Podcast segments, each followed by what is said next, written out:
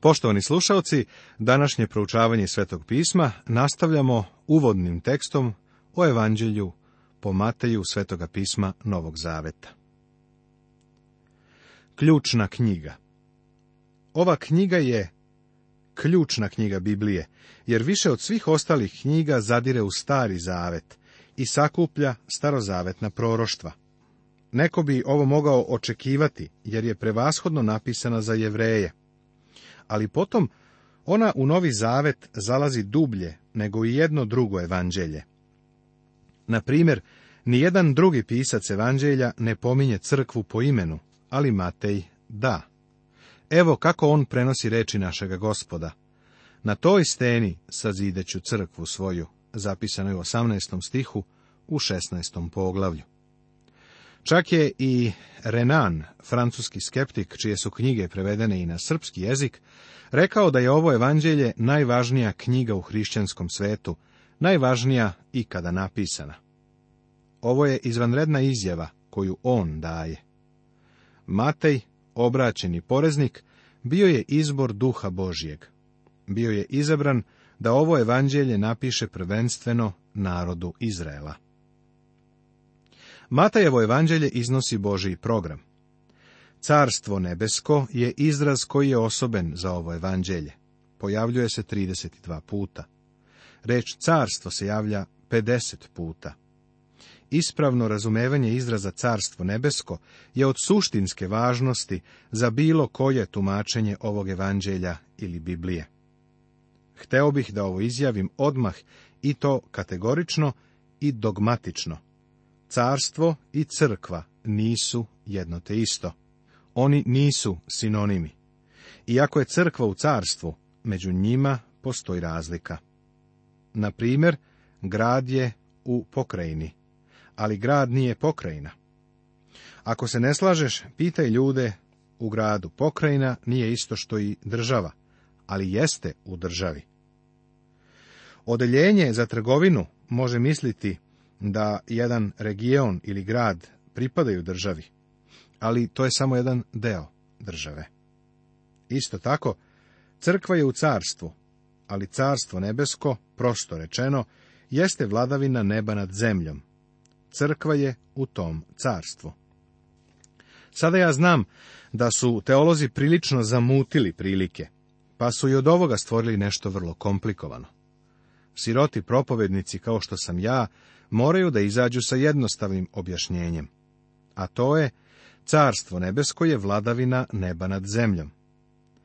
Jevreji kojima je ovo evanđelje bilo upućeno, razumeli su da taj termin treba da bude krajnji zbir svih starozavetnih proroštava o dolazećem caru iz neba, koji će uspostaviti svoje carstvo na zemlji, i to sa nebeskim standardom. Ovaj termin za njih nije bio nov, jer ga pronalazimo i u knjizi proroka Danila, u drugom i u sedmom poglavlju. Carstvo nebesko je tema ovog evanđelja. Onaj ko namerava da uspostavi to carstvo na zemlji je gospod Isus. Carstvo je ono što je važno.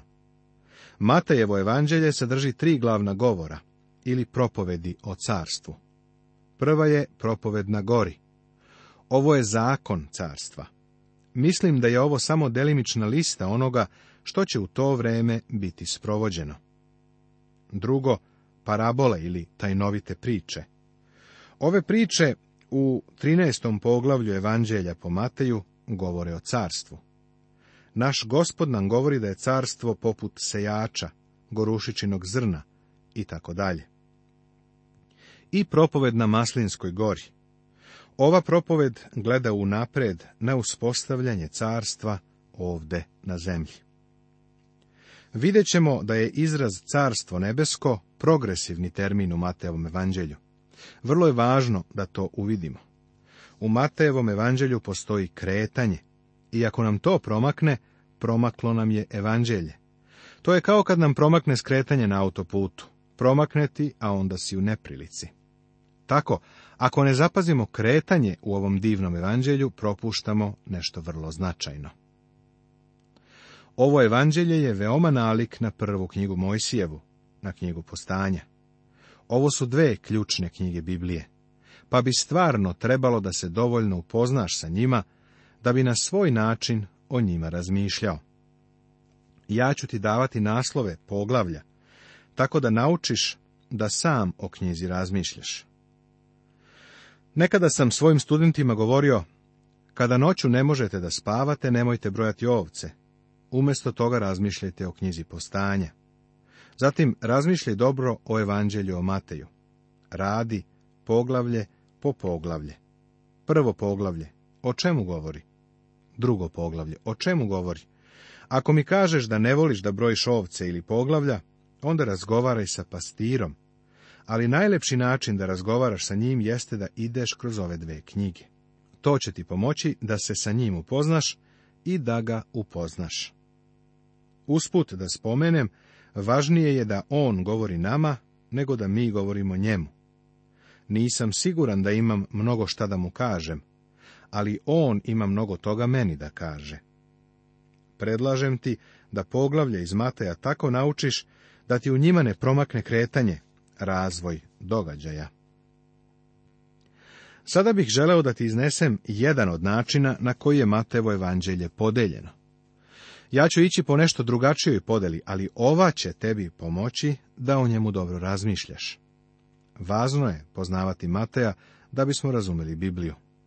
Evo vašeg cara. Ličnost cara, prva dva poglavlja. Priprema cara od poglavlja drugog do četvrtog do šestnaestog stiha. Propaganda ili upoznavanje sa carom od poglavlja četvrtog sedamnaestog stiha do 9.35. Program carev od 9.36 do 16.20. Stradanje cara od 16. poglavlja 21. stiha do 27. poglavlja do kraja. I sila careva 28. poglavlje. Pregled Matejevog evanđelja 1. Rodoslovi zapis o Isusovom devičanskom rođenju. Drugo poglavlje. Posjeta mudraca, beg za Egipat, povratak u Nazaret. Treće. Jovan Krstitelj, prethodnik cara, objavljuje carstvo i krštava Isusa cara. Četvrto poglavlje. Kušanje cara u pustinji.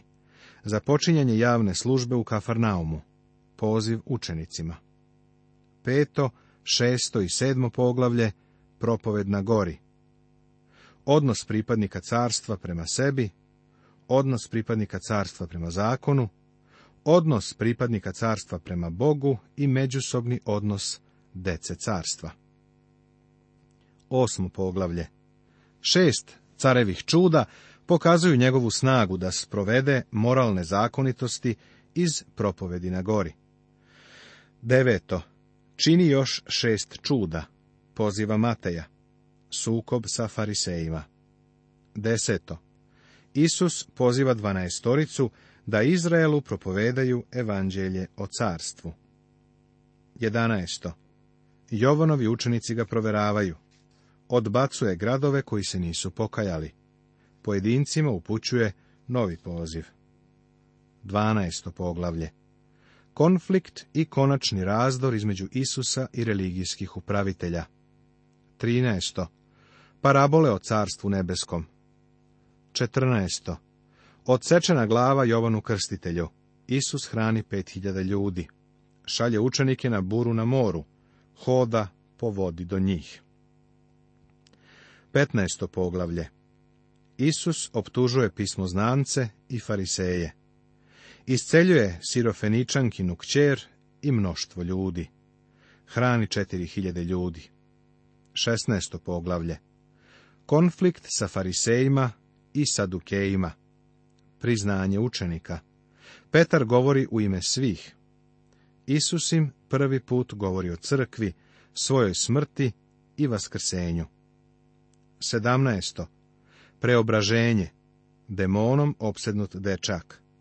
Čudom obezbeđen novac za porez. 18.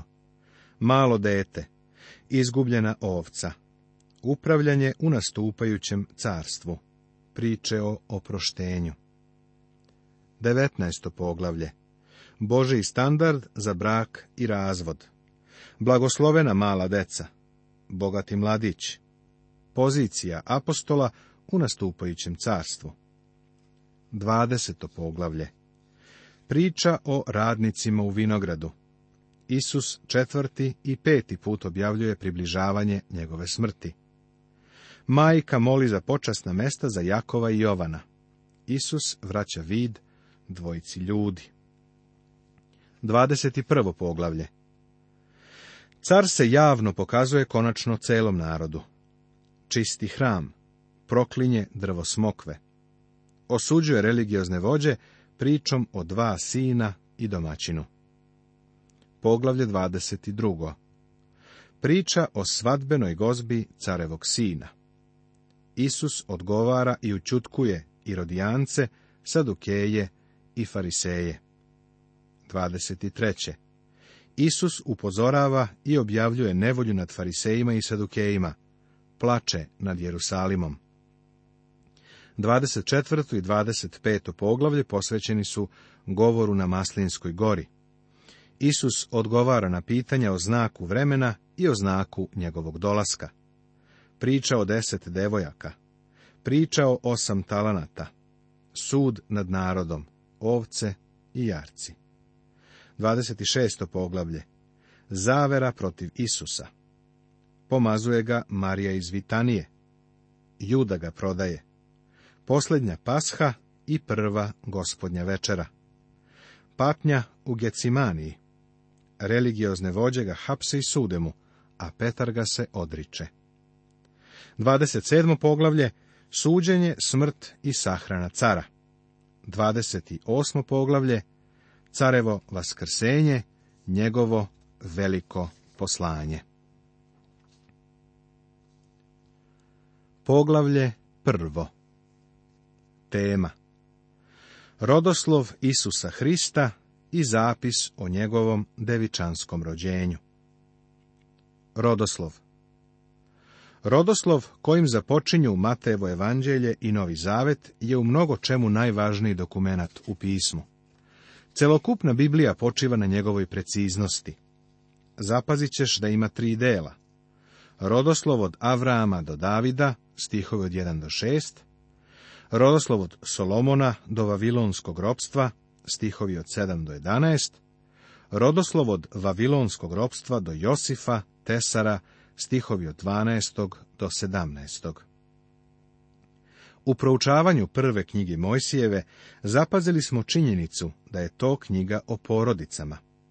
Rodoslovi su u njoj veoma važni, a vidimo ih i ovde na početku Novoga Zaveta. Sada moram priznati da u početku ovo, rodoslov, deluje prilično dosadno. Nekome daš Novi Zavet, a on ovde u Mateovom evanđelju započne čitanje neizbežnim rodoslovom, tako da ne odmakne baš daleko. Jedan moj prijatelj kapelan mi je rekao da je u drugom svjetskom ratu podelio doslovno hiljade novih zaveta vojnim službenicima.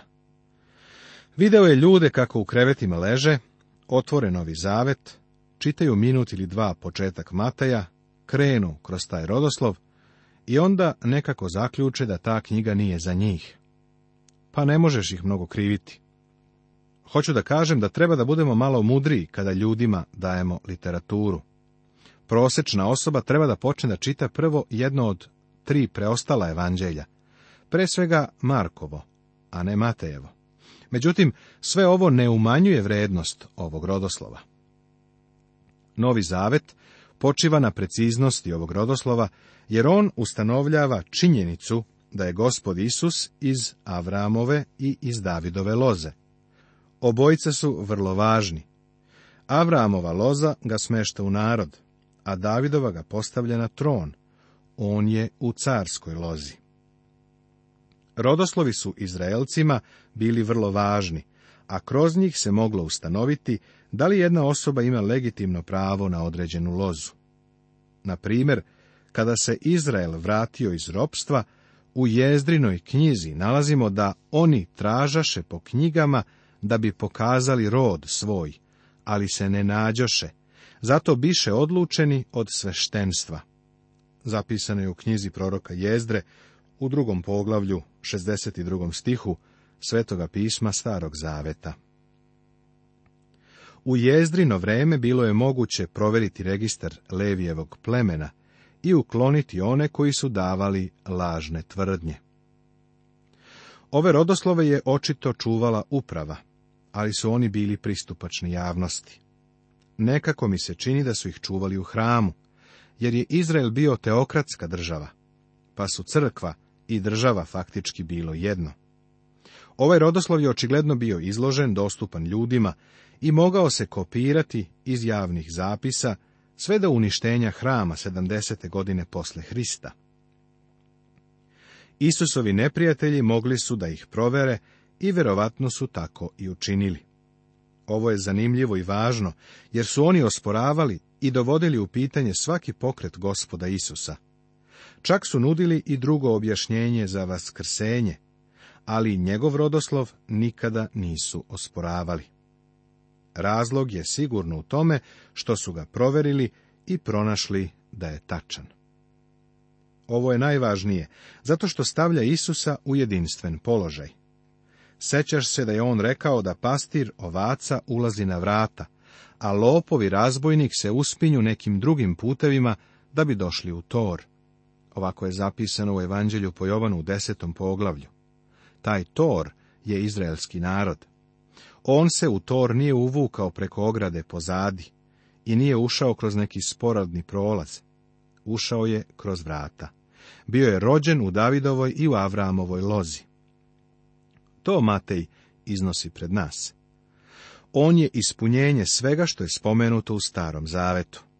Tako, Isusovi neprijatelji nikada nisu mogli da ga prozivaju u vezi sa njegovim rodoslovom. Morali su da pronađu neke druge načine da ga izazovu i naravno to su i činili. Kada sam bio tinejdžer, prvi put sam se zainteresovao za sveto pismo i onda sam otišao na letnju konferenciju. Tu je gospod govorio mome srcu.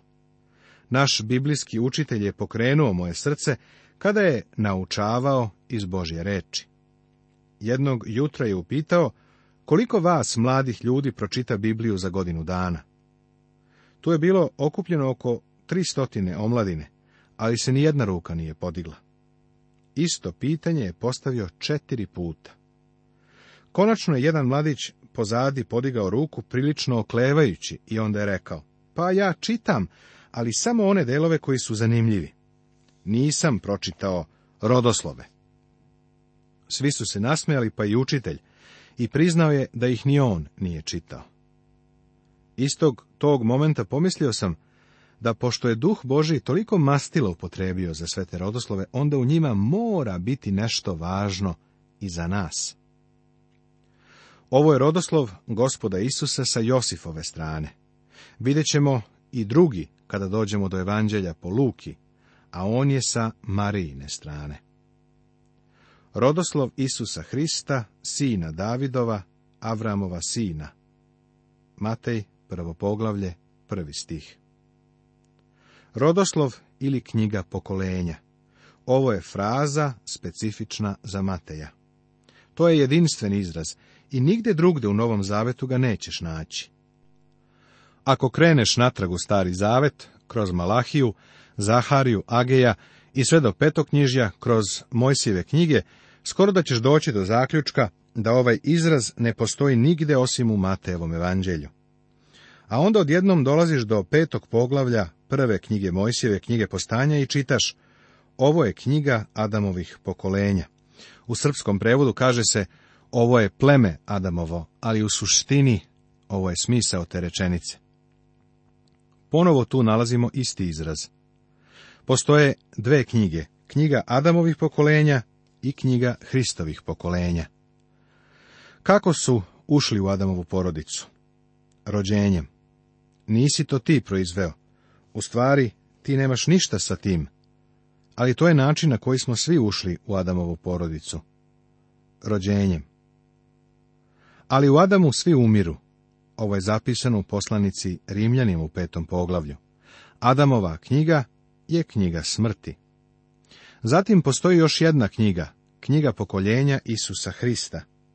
Kako si ušao u ovu porodicu, u ovaj rodoslov? Isto rođenjem, ali novim rođenjem. Gospod Isus kaže da se moramo nanovo roditi da bismo vidjeli carstvo Božije.